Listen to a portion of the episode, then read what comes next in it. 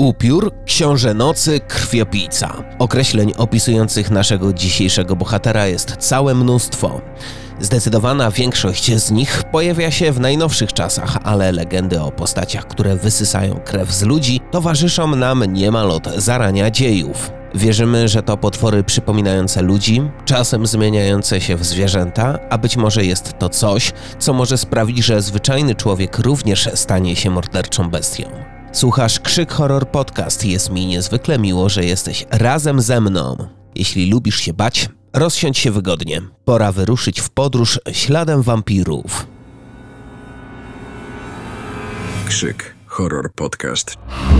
Większość badaczy kultury jest zdania, że dobrze nam znane postacie wampirów swój początek mają w Europie Środkowo-Wschodniej, wśród słowiańskich legend. I faktycznie to, co obserwujemy w dzisiejszych książkach, filmach czy serialach, bezpośrednio nawiązuje do postaci wampierza, ale do tego jeszcze wrócimy. Na początku, w poszukiwania początków wampiryzmu, przenosimy się do starożytnych cywilizacji. Rozdział pierwszy. Wampir. Początki. Jedną z pierwszych postaci, u której możemy doszukiwać się wampirzych cech, znajdziemy w Egipcie faraonów. Jest to bogini Sekmet. Jej rola w mitologii starożytnego Egiptu jest niejednoznaczna. Sekmet była patronką wojny, zniszczenia, ale także uzdrowienia. Często przedstawiano ją jako kobietę z głową lwicy lub po prostu lwicę. Jej ikonografia zawierała koronę dysku słonecznego otoczonego ureuszem, czyli znakiem ze wzniesioną kobrą, co symbolizowało boską władzę, typową dla bogów w tamtejszej mitologii. Wiele statuetek tej bogini przetrwało do naszych czasów, co może świadczyć o jej istotnej roli w religii egipskiej. Kiedy ludzie zbuntowali się przeciwko Bogu Słońca Ra, Sekmet zaatakowała ich z taką furią, że Ra, obawiając się zagłady ludzkości, błagał ją, aby zaprzestała rzezi. Wtedy odpowiedziała mu: Gdy zabijam ludzi, moje serce raduje się i odmówiła darowania życia swoim ofiarom. Z tego powodu później nadano jej imię Sekmet i przedstawiano w postaci dzikiej lwicy. Aby ocalić to, co pozostało z ludzkości, Ra zastosował podstęp.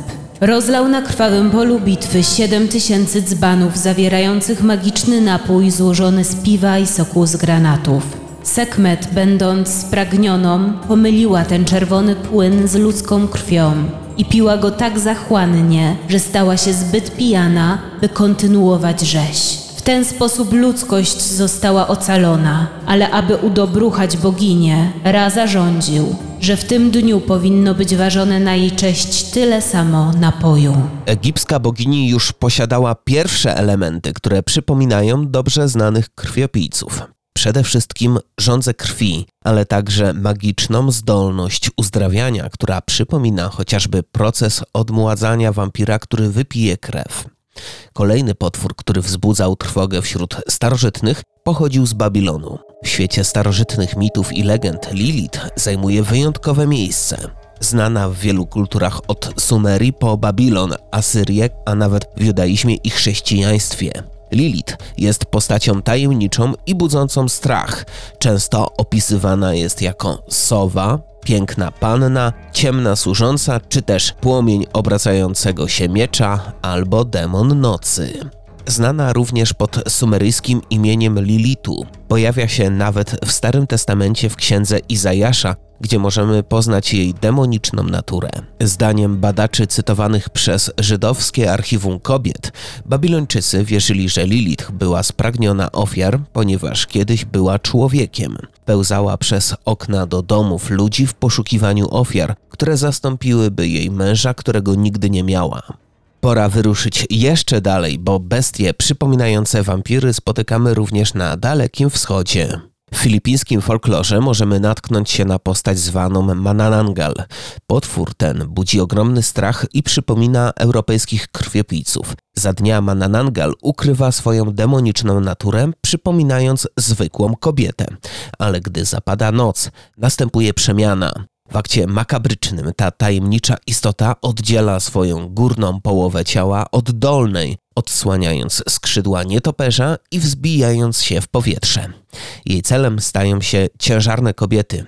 Mananangal wykorzystuje swój cienki, długi język, aby wysysać krew nienarodzonych dzieci. Mieszkańcy Filipin opracowali metody obrony przed tym potworem. Wierzy się, że sól, czosnek, popiół albo ryż rozsypany wokół domu może ochronić przed tym nocnym stworem. Według przekonań Mananangal musi zatrzymać się, żeby policzyć każde ziarno, co zapobiega jej wejściu do domu. Zniszczenie Mananangal to nie lada wyzwanie. Kluczem jest odnalezienie jej dolnej połowy ciała i posypanie jej solą albo czosnkiem, uniemożliwiając w ten sposób powrót do pełnej formy. Jeśli Mananangal nie połączy się z powrotem ze swoją dolną połową przed wschodem słońca, ginie w promieniach dnia. Ten opis już nie odbiega aż tak bardzo od obrazów dzisiejszych wampirów, prawda? Również w Chinach występują legendy o postaciach przypominających Drakulę, chociaż to nie hrabia, ma również powiązania z tamtejszymi władcami. Chodzi o demona Jiangxi. Chińczycy bardzo się boją postaci, która również nazywana jest skaczącym wampirem albo zombie. Jiangxi przedstawiany jest w tradycyjnych chińskich strojach z czasów dynastii Qing. Potwór jest znany z niezwykłego sposobu poruszania się. Skacze ze sztywnymi rękoma wyciągniętymi do przodu. Legenda głosi, że Jiangxi, w przeciwieństwie do zachodnich wampirów, nie wysysa krwi, lecz chi, czyli życiową energię z ciał swoich ofiar. Pojawienie się Jiangxi związane jest często z nieprawidłowo przeprowadzonymi rytuałami pogrzebowymi lub przekleństwami. Uważa się, że te stworzenia powstałe z niepokojących okoliczności wracają z zaświatów, by siać zniszczenie wśród żywych. Sposobem walki z chińskim demonem są na przykład lustra. Krwiopijca nie lubi lustrzanych odbić, ale także zapachu czosnku, ryżu lub czerwonych nici. Dodatkowo taoiści używają fu, czyli zaklęć napisanych na papierze, które mogą powstrzymać te stworzenia. Pora wrócić z dalekich podróży, bo żeby natknąć się na ślady wampirów, nie trzeba daleko zaglądać. Są znacznie bliżej niż mogłoby nam się wydawać. Rozdział drugi. Wąpierz i tajemnicza choroba. Powróćmy do świata wierzeń słowiańskich, także do terenów dzisiejszej Polski. To właśnie w Europie Środkowo-Wschodniej narodził się pierwowzór Drakuli czy Nosferatu.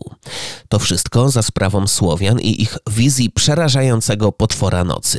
Więcej na ten temat możemy przeczytać w bestiariuszu słowiańskim Pawła Zycha i Witolda Vargasa. W dawnych wiekach bywało, że po śmierci ciało nieboszczyka, miast użyźnić cmentarną glebę, stawało nocą z grobu, by nękać ludzi wypijać nich krew. Taki żywy trup, nazywany upiorem, wampirem lub wąpierzem, choć miał z grubsza ludzkie kształty, był większy i silniejszy od każdego człowieka. Czerwona, napuchnięta od wychłeptanej posoki skóra. Popularne było powiedzenie czerwony jak upiór. Długie kły i szpony, czasem jakaś dodatkowa deformacja, taka jak brak nosa czy jama ziejąca w plecach, nadawały mu iście szatański wygląd. Posiadał wampir wiele zdolności niedostępnych zwykłym śmiertelnikom. Potrafił latać, stawać się niewidzialny, zmieniać się w zwierzę. Był nieczuły na rany, umiał też hipnotyzować i usypiać swoje ofiary. Całą swoją siłę czerpał z krwi ofiar. Bez niej tracił moc, chudł i zaczynał się rozkładać. Szczególnie niebezpiecznym aspektem działalności wampira-wąpierza było to, że jego ofiary, jeśli zmarły, same zmieniały się w upiór. Dlatego każdy atak bestii powodował natychmiastową mobilizację całej społeczności. Rzucano się do rozkopywania grobów i sprawdzania stanu zwłok. Jeśli trup wyglądał świeżo i był rumiany jak jabłuszko, znaczyło to oczywiście, że jest wampirem. Należało go więc czym prędzej unieszkodliwić. W tym celu stosowano wiele różnych praktyk. Wiązano nieboszczykowi kończyny i odwracano go twarzą do ziemi. Obcinano mu szpadlem głowę. Wbijano w czaszkę stalowy gwóźdź lub osikowy kołek w serce, czy wreszcie po prostu palono jego ciało. Bingo! Ten opis już bardzo mocno przypomina postacie grozy, które oglądamy w horrorach, ale do tego jeszcze wrócimy. Pozostańmy przy protoplastach wampirów. W średniowiecznej Europie rozpowszechniły się pierwsze wersje wczesnej mitologii o wampirach, a nikczemne potwory często odpowiadały za plagi i inne choroby. Na mit krwiopijców z Europy Wschodniej duży wpływ miała również dość rzadka, ale przerażająca ówcześnie żyjących ludzi choroba. Chodzi o porfirię. Jest to grupa zaburzeń metabolicznych, które przez wieki były owiane tajemnicą i często mylone z innymi schorzeniami. Choć niezwykle rzadka, porfiria zwraca uwagę ze względu na swoje nietypowe i czasem dramatyczne objawy. Osoby cierpiące na porfirię mierzą się z defektem enzymatycznym w drodze biosyntezy chemy, a to prowadzi do nagromadzenia i wycieku prekursorów chemy zwanych porfirynami w organizmie. Chema zaś to kluczowy składnik znajdujący się w czerwonych krwinkach. Tłumacząc to na bardziej zrozumiały język, ktoś, kto cierpi na tę chorobę w odmianie skórnej, jest nadwrażliwy na światło. Na jego skórze pojawiają się bolesne pęcherze przypominające poparzenie. Pojawia się również światłowstręt, cofanie się dziąseł, a także zmiany psychiczne. Skutki nadwrażliwości na światło mogą być tak poważne, że cierpiący tracą uszy oraz nos. Tutaj już powinna nam się zapalić w głowie czerwona lampka. Ten opis, jak ulał, pasuje do jednego z najbardziej popularnych wampirów, legendarnego Nosferatu, z filmu o tym samym tytule. Rozdział trzeci. Od krwiożerczego zombie do krwistego kochanka. Nagle moje myśli zostały przerwane. Z bramy dały się słyszeć ciężkie kroki. W szparze zabłysło światełko, zabrzęczały łańcuchy, zagrzytały ciężkie zasuwy. Od dawna nieużywanym zamku zaskrzypiał klucz i brama się uchyliła. Za progiem stał wysoki starzec z długą, siwą brodą. Od stóp do głów odziany na czarno. W ręku trzymał staroświecką latarnię bez żadnych osłonek, także drgający w przeciągu otwarty płomyk rzucał na ściany kamiennego korytarza dziwaczne cienie. Starzec eleganckim ruchem ręki zaprosił mnie do środka, po czym poprawną, lecz nieco dziwnie akcentowaną angielszczyzną rzekł: Witam pana w moim domu, proszę dalej. Nie wyszedł do mnie.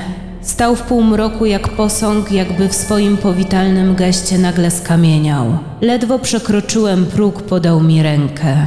Była trupio zimna, lodowata. Uścisk miał tak silny, że aż przeszył mnie ból. Powtórzył raz jeszcze. Witam pana w moim domu. Proszę dalej i proszę przynieść mi okruch szczęścia, które z panem tu wkracza. Jego stalowe palce przypominały mi woźnicę, którego twarzy ani razu dobrze nie widziałem. Stwierdziłem, że hrabia ma bardzo ciekawą fizjonomię. Jego twarz jest pociągła, nos cienki z wysoko wzniesioną nasadą i wydatnymi nozdrzami. Czoło znaczne, a włosy poza skroniami, raczej gęste. Podobnie gęste miał i brwi, niemalże łączące się nad nosem. Usta, o ile były widoczne spod bujnych wąsów, miał przeważnie zaciśnięte, jak u osobników bezwzględnych. Jaśniały w nich białe, a normalnie ostre zęby.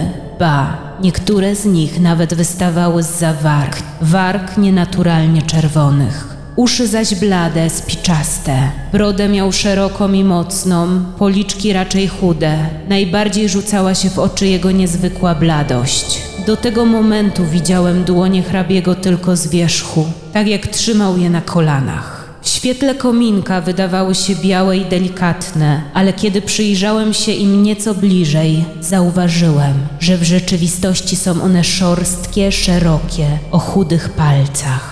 A co najdziwniejsze, wnętrza obu dłoni miał porośnięte włosami. Wrażenie wywierały także jego długie i ostre paznokcie. Kiedy pochylał się ku mnie i dotykał mnie ręką, odczułem odrazę, połączoną z nieprzyjemnym mrowieniem. W dodatku ten jego niezdrowy, cuchnący chuch przyprawiał mnie o mdłości, czego nie potrafiłem przed nim ukryć, choć bardzo się starałem. Hrabia w trakcie rozmowy musiał to zauważyć, ponieważ w pewnej chwili uśmiechnął się gorzko i wycofał się na swój fotel po drugiej stronie kominka. Tak brzmiał opis wyglądu hrabiego Drakuli, który możemy przeczytać w dziele Brama Stokera z końca XIX wieku. Oczywiście, z czasem wygląd wampirów mocno się zmieniał. Początkowe wizje krwiopijców znamy z legend, podań ludowych, a z czasem doszły także wizje literackie czy filmowe, a te są niezwykle ciekawe. Zacznijmy jednak od najwcześniejszych przekazów. Tak jak już wcześniej mówiłem, początki istnienia wampirów mają charakter być może nie tyle magiczny, co na pewno mitologiczny. Były to często postacie z ciałem zwierząt, niekoniecznie utożsamianymi z nietoperzami, jak to ma dzisiaj miejsce. Wampir z głową lwa wydaje nam się teraz wyjątkowo abstrakcyjny, aczkolwiek taka wizja krwawej bogini w Egipcie potrafiła rozpalać wyobraźnię. I właśnie dochodzimy do tego, że upiór nocy to nie zawsze był mężczyzna, a na pewno nie był seksowny niczym Edward, znany z sagi Zmierzch. Pierwotnie potwory przypominały kobiety, bywały one atrakcyjne jak demony sukuby, czyli wyjątkowo seksowne demony przypominające kobiety. Postacie te pojawiają się często w demonologii, a ich pochodzenie ma wiele wspólnego z Lilith, o której już była mowa. Z drugiej strony, wiele strzyk przypominało dzisiejsze zombie, gnijące truchła, których smród potrafił przyprawić ją mdłości. Nie można się dziwić tym średniowiecznym opisom. Wszak wampiry to nie umarli, którzy swoje legowiska mieli w trumnach zakopanych pod ziemią. Potwory wychodziły dopiero w nocy, aby żerować na ludziach i zwierzętach. Wydaje się, że przynależność, tak to nazwijmy, do klasy wampirów była dość demokratyczna. W średniowieczu w upiora mógł się przemienić każdy. Bogaty i biedny, kobieta i mężczyzna. Zdarzały się także przypadki wampiryzmu u dzieci. Drastyczne sposoby walki z baby wampirami kultywowane były m.in., jakby mogło być inaczej, w okolicach Transylwanii. Dziecko z krzywymi nogami lub z kawałkami łożyska mogło nosić przez całe życie piętno potencjalnej strzygi. Kiedy demon umrze w wieku dziecięcym, należy wbić mu igły w serce i pępek, aby powstrzymać go od nawiedzania żywych. Jednak trzeba tutaj jasno podkreślić, że ówczesne zabobony nie dotyczyły tylko chłopstwa. Oskarżenia o konszachty z diabłem w średniowieczu i kilka wieków później były dość popularne w całej Europie.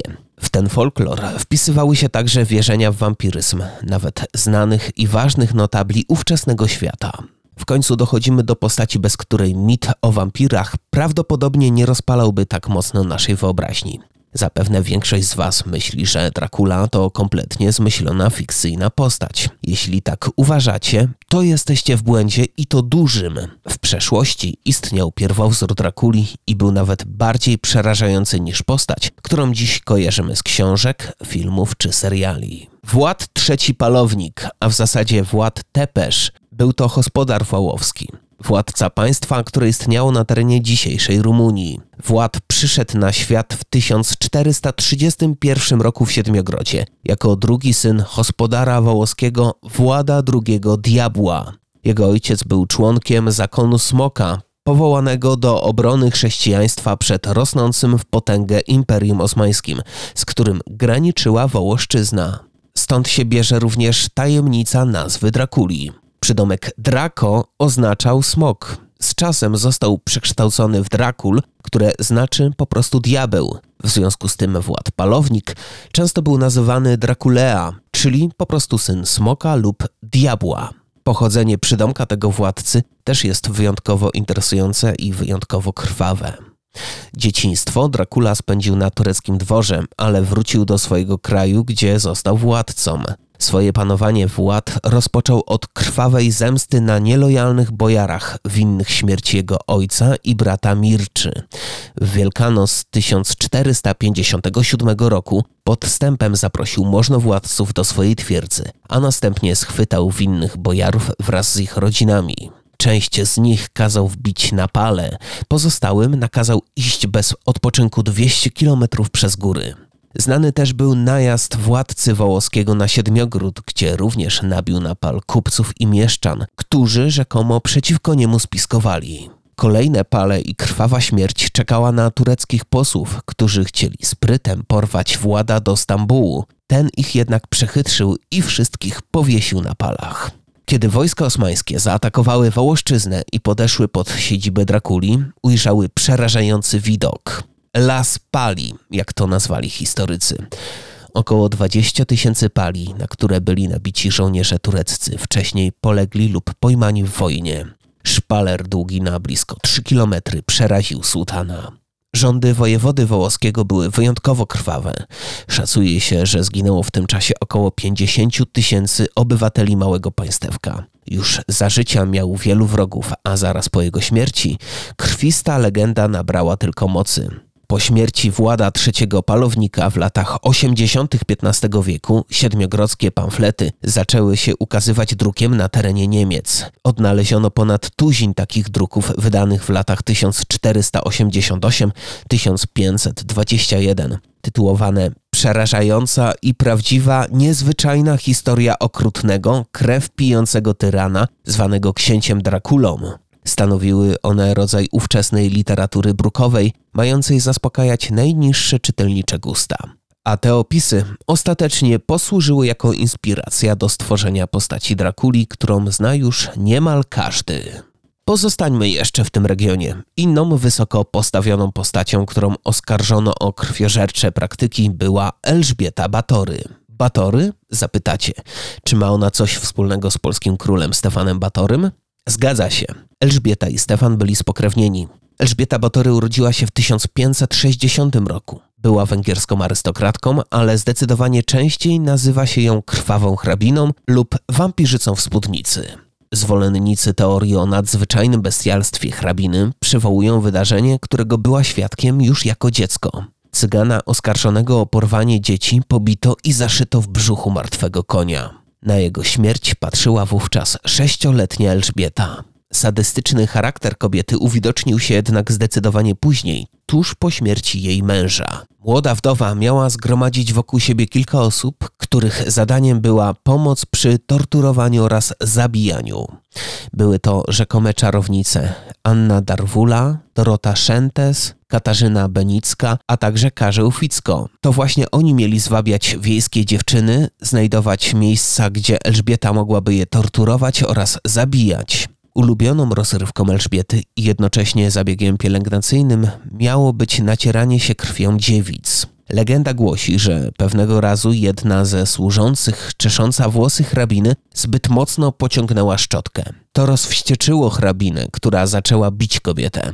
Na magnatkę trysnęła krew służki. Po jej zmyciu Elżbieta uznała, że jej skóra stała się ładniejsza i delikatniejsza. Od tego czasu miała zlecać kąpiele z ludzkiej krwi. Dziewczyny miały być umieszczane w małych klatkach zawieszanych pod sufitem. W ich środku były powbijane ostre kolce. Klatkę kołysano, by kolce wbijające się w ciała nieszczęsnych dziewczyn tworzyły makabryczny prysznic krwi. Powyższą legendę chętnie wykorzystywano w kolejnych dziełach dotyczących wampirów. Wiele upiorów odzyskiwało siły witalne i młodość właśnie po spożyciu czerwonego nektaru, który wypływał z szyi dziewicy. Nie chciałem w tym podcaście zbyt mocno poruszać tematów wampirów w sztuce filmowej, bo na to jeszcze przyjdzie czas w innych odcinkach, ale nie sposób jeszcze przedstawić tutaj bardzo śmiałej teorii, którą zaprezentowano w filmie El Conde w reżyserii Pablo Larraina. Film przedstawia postać chilijskiego dyktatora Augusto Pinocheta. Pinochet w ramach przewrotu wojskowego przejął władzę w Chile i rządził tym południowoamerykańskim krajem przez 17 lat. Jak na wojskowego przystało, jego rządy były twarde i krwawe. Za jego czasów zginęło wiele tysięcy opozycjonistów. Film El Conde jasno sugeruje, że ten krwawy dyktator rządził w taki sposób, ponieważ był wampirem. Filmie Pinochet miał być kiedyś zbuntowanym francuskim royalistą, który popłynął do Ameryki Południowej w poszukiwaniu świeżej krwi. Dyktator w prawdziwym życiu nadzorował egzekucję lub zaginięcia tysięcy Chilijczyków. Wersja filmowa to potwierdza z jedną bardzo ważną poprawką.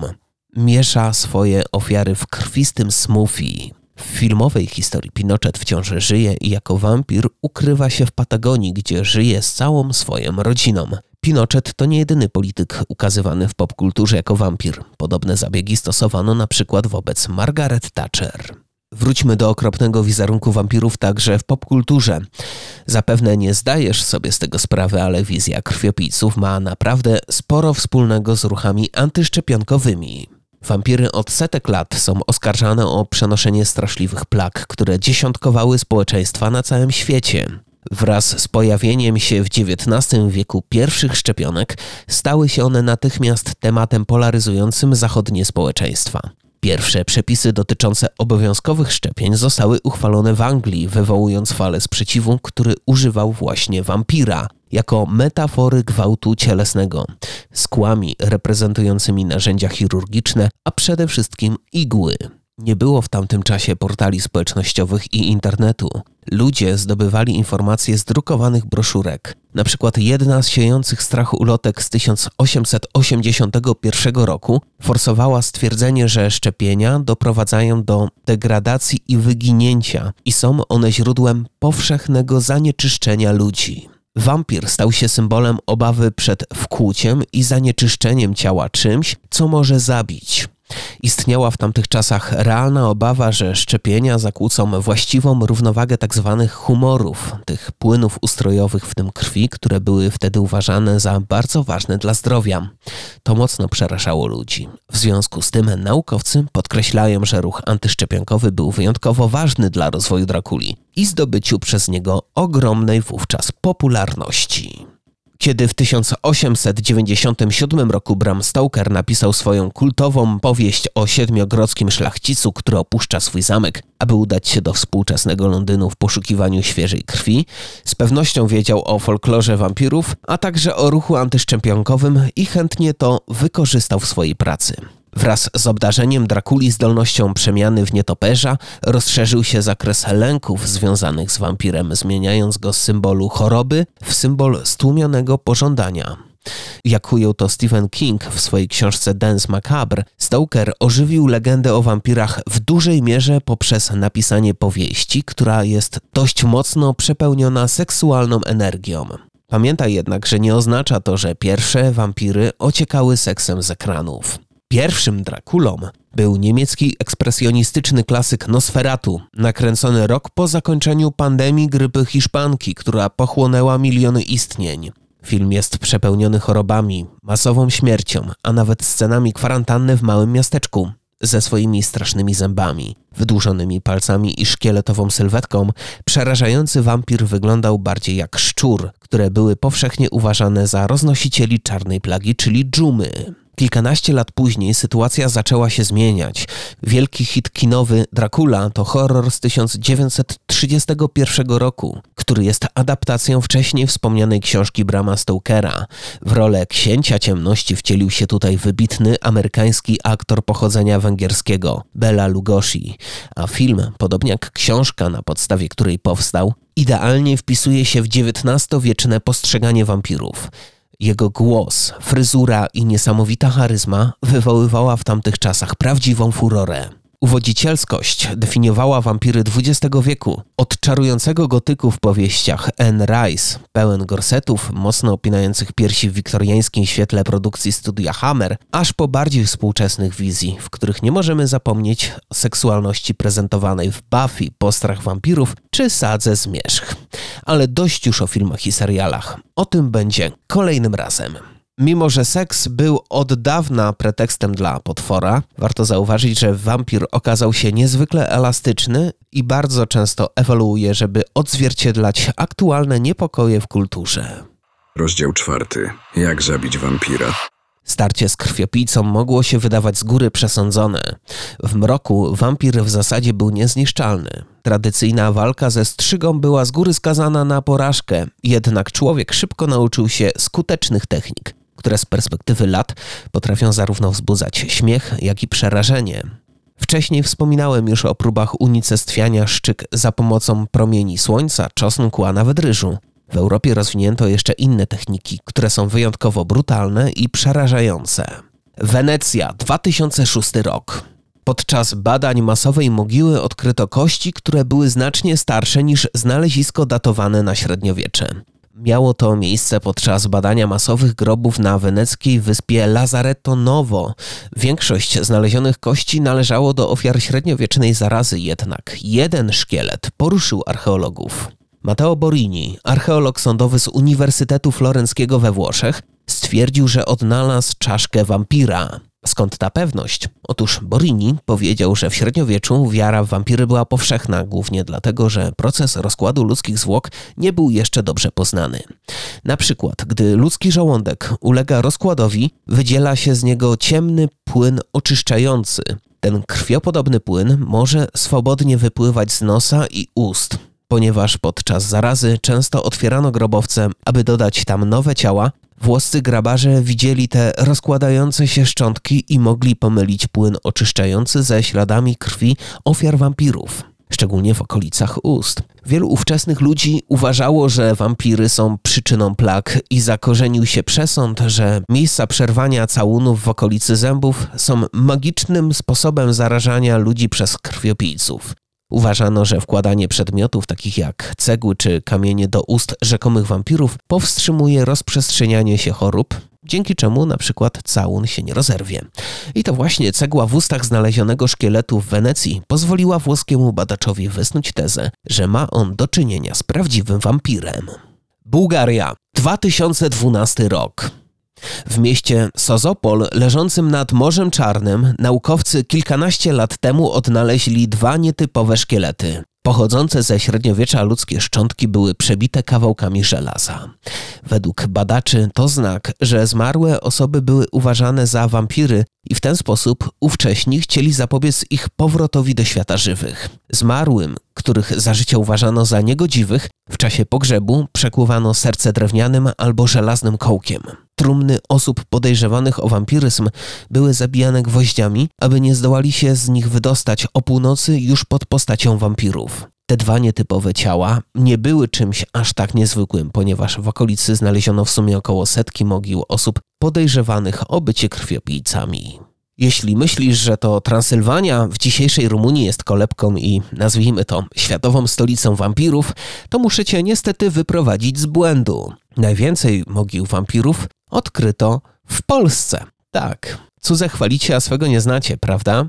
Gliwice, lipiec 2013 rok.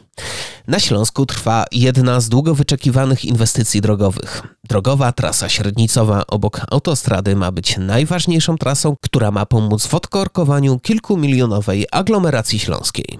Wówczas to w Gliwicach na plac budowy wchodzą archeolodzy. Takie praktyki to rutynowe działanie przy dużych inwestycjach. Eksperci mają przebadać teren, który lada moment zamieni się w drogę. I właśnie wtedy dochodzi do ważnego odkrycia. W miejscu badań odnaleziono zwłoki. Wiele osób się tego spodziewało, bo pierwsze kości w tym miejscu znaleziono ponad 100 lat temu, dokładnie w 1905 roku. Z każdym odkrywanym ciałem archeolodzy zaczęli mieć coraz więcej wątpliwości. Po pierwsze, dane historyczne początkowo sugerowały, że w centrum Gliwic znajduje się cmentarzysko z epoki łużyckiej. Jednak tak się nie stało. Szkielety były znacznie młodsze i miały pochodzić z XVI lub XVII wieku. Kolejne odkrycie przyprawiło wszystkich o gęsią skórkę. Na miejscu potwierdzono bardzo nietypowy pochówek, znany z miejsc, w których pozbywano się wampirów. I tak właśnie też było na Śląsku. Badacze odkryli 14 tzw. Tak grobów antywampirycznych. Niektórym ze zwłok odcięto głowy i umieszczono je między nogami. Takie zabiegi były jedną z zabobonnych praktyk, jakie stosowano względem osób podejrzanych o bycie wampirem. Wampir wszak to trup, który wstaje z grobu, by pić krew żywych ludzi oraz zwierząt. By uniemożliwić mu nocne przechadzki, należało m.in. właśnie odciąć zmarłemu wampirowi głowę i umieścić ją w trumnie poza zasięgiem jego rąk. Oprócz tego część zwłok było nadpalonych, co również jest charakterystycznym elementem walki z krwiopijcami. Badania ekspertów medycyny sądowej wykazały, że pogrzebani na gliwickim cmentarzu cierpieli za życia na choroby uzębienia, anemię i inne schorzenia będące domeną ludzi biednych i żyjących na marginesie społecznym. To wciąż nie wyklucza hipotezy o pochówkach antywampirycznych, bowiem oskarżenia o czary czy wampiryzm również padały najczęściej na tych, którzy mieli najmniej praw i środków, by obronić się przed sądem lub gniewem tłumu. A to nie jedyne odkrycia grobów rzekomych krwiopijców na terenie dzisiejszej Polski. Drawsko-Pomorskie, 2008 rok. Do innego głośnego odkrycia na cały świat doszło w województwie zachodniopomorskim. Badacze zainteresowali się cmentarzyskiem pochodzącym z XVII-XVIII wieku, które znajduje się w Drawsku. W latach 2008-2012 prowadzono tam wykopaliska i wśród niespełna 300 pochówków odkryto sześć szkieletów pogrzebanych w taki sposób, by uniemożliwić im ewentualne powstanie z grobu. Niektórym umocowano sierpy do szyi i brzucha, innym położono na gardle duże kamienie. Taki sposób pochówku mówił jedno. Na miejscu pochowano podejrzanych o wampiryzm. Badacze przeprowadzili badania izotopów strontu w szkliwie ich zębów. Dla porównania zanalizowali poziom tego pierwiastka u kilkudziesięciu innych osób pochowanych na cmentarzu w Drawsku, a także u miejscowych zwierząt domowych. Strąd znajduje się w glebie i skałach, gdzie gromadzi się w różnych stężeniach w zależności od regionu. Kiedy trafia do ludzkiego organizmu wraz z pokarmem, odkłada się m.in. w zębach. U osób mieszkających na danym obszarze wykrywa się podobne stężenie tego pierwiastka. Okazało się, że poziom strątu u wampirów i miejscowych zmarłych z Drawska jest bardzo zbliżony. Oznaczało to, że osoby oskarżone o wampiryzm nie przybyły z daleka, ale od urodzenia mieszkały w tej okolicy i znały wszystkich swoich katów. Podobne groby, ale w zdecydowanie mniejszej skali, odkrywane są w całej Polsce, między innymi w Krakowie czy Sandomierzu. Wiele z nich liczy po kilkaset lat, ale są jeszcze dane, które świadczą, że do makabrycznych pochówków potencjalnych wampirów mogło dochodzić również na początku XX wieku. A co jeśli ci powiem, że to nie jest zabobon, który odszedł już do lamusa? Niecałe 20 lat temu mieszkańcy pewnej wioski próbowali zabić wampira. Marotino de Sus, południowa Rumunia, 2003 rok. Nareszcie wracamy do Rumunii, ale nie do Transylwanii, skąd pochodzi hrabia Dracula. Do scen grozy doszło na południu tego kraju. Petre Tomka przez większość życia był zwyczajnym robotnikiem, jednak pospolity zawód nie uchronił go od podejrzeń o bycie krwiopijcą. Tomka za życia miał problem z alkoholem, sporo go nadużywał i prawdopodobnie to właśnie przez alkohol zginął w wypadku, kiedy obsługiwał maszynę rolniczą. Jednak to nie koniec problemów, które Petre miał sprawiać mieszkańcom jego wioski. Był to dopiero początek. Jego własna siostra skarżyła się, że jej synowa zachorowała i że winę ponosi Petrę. Powiedziała, że stał się strzygą i trzeba coś z tym zrobić. Powiedziała Elizabeta Marinescu, sąsiadka Petra Tomka. Żeby pozbyć się demona nocy, najbliżsi zdecydowali się na radykalny krok. Sześciu miejscowych mężczyzn wykonało starożytny rumuński rytuał rozprawienia się ze strzygą, jak często nazywane są tutaj wampiry. Tuż przed północą ślizgnęli się na cmentarz na skraju wioski i zebrali się wokół grobu Tomki. Następnie go wykopali, rozcięli mu klatkę piersiową widłami, wyjęli serce, resztę ciała przybili kołkami i posypali czosnkiem. Wyjęli mu serce, spalili je, a jego prochy wsypali do szklanki z wodą. Relacjonuje sąsiadka wampira. Następnie ten makabryczny koktajl podali schorowanej kobiecie, a ta ostatecznie wyzdrowiała. Lokalna społeczność Marotinu de Sus jest przekonana, że zrobili wtedy dobrze. Lokalsi wciąż się bardzo boją klątwi strzyk i choć niektórzy zaprzeczali, twierdząc, że nie boją się nieumarłych, Nikt nie potępił sześciu mężczyzn za zrobienie tego, co ich zdaniem było słuszne, czyli zabicia niespokojnej strzygi. W części Rumunii wciąż istnieje zwyczaj, że najbliżsi robią małe torby, które wkładają pod głowy zmarłych. Zawierają one ziarno, małe kamyczki, grzebień, lustro i jabłko, czyli kombinacje przedmiotów, które według niektórych są w stanie przekonać wampiry do spokojnego leżenia w trumnie. Sporo powiedzieliśmy o ostatecznych, skutecznych sposobach uśmiercania krwiopijcy. Często takiego delikwenta, który akurat smacznie śpi w grobie. A co jeśli przydarzy ci się bliskie spotkanie trzeciego stopnia z agresywnym wampirem? Na to też od wieków nasi przodkowie mieli sprawdzone sposoby. W lipcu 2020 roku na jedną z aukcji przedmiotów kolekcjonerskich w Wielkiej Brytanii trafił wyjątkowy przedmiot, który wzbudził spore poruszenie. Ozdobne pudełko pokryte aksamitem na pierwszy rzut oka wyglądało jak skrzynia skarbów, ale po jego otwarciu zamiast klejnotów i złota znajdziesz składniki do walki z krwiopijcą. Pistolet, trzy krucyfiksy, różaniec, zęby rekina czy też XIX-wieczną Biblię.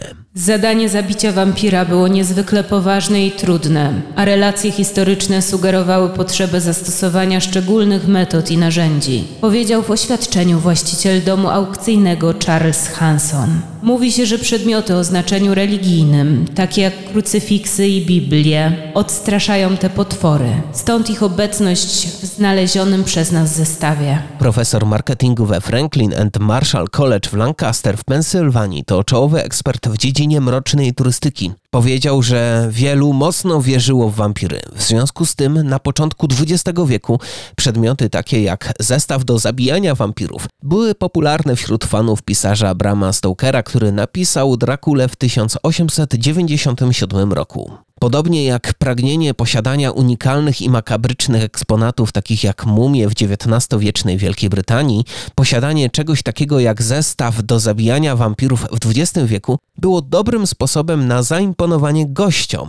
Ostatecznie większość naukowców stwierdziła, że licytowany zestaw jest podróbką, prawdopodobnie pochodzącą z początków XX wieku, ale cena wywoławcza 3000 funtów wskazuje na to, że zainteresowanie takimi przedmiotami, nawet jeżeli nie są oryginalne, wciąż jest bardzo duże. Może wciąż obawiamy się wampirów mieszkających wokół nas. Jak tak, to na podstawie dawnych wierzeń musicie się dobrze zaopatrzyć w podstawowe przedmioty, które mogą zrobić krzywdę krwiopijcom. Przede wszystkim czosnek, broń, najlepiej pistolet na srebrne kule. Przydatna może też się okazać woda święcona, krucyfiks czy pismo święte. Oprócz tego warto wyposażyć się na przykład w ryż. Na podstawie części wierzeń może się wydawać, że wampiry mają coś w rodzaju nerwicy natręctw. Muszą policzyć wszystkie ziarenka, a to doskonały moment na ucieczkę. Przede wszystkim pamiętaj, że słońce jest śmiertelnie niebezpieczne dla nocnych bestii. A jeśli przyjdzie ci walczyć z demonem w środku nocy, nie zapominaj o przebiciu serca osikowym kołkiem.